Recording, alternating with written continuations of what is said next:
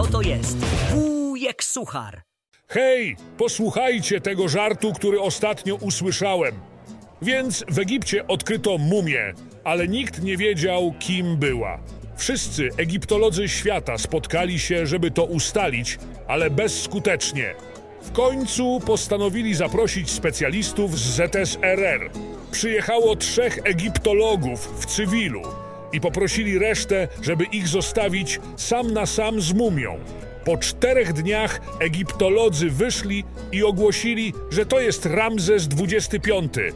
Wszyscy byli zdumieni i pytali, jak się dowiedzieli.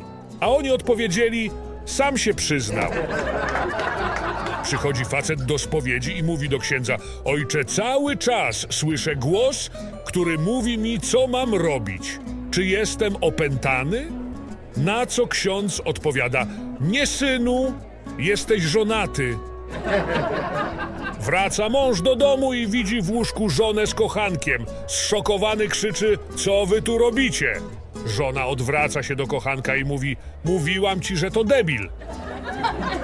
Siedemdziesięcioletnia pani zaczepia małego chłopca i pyta go o jego wiek.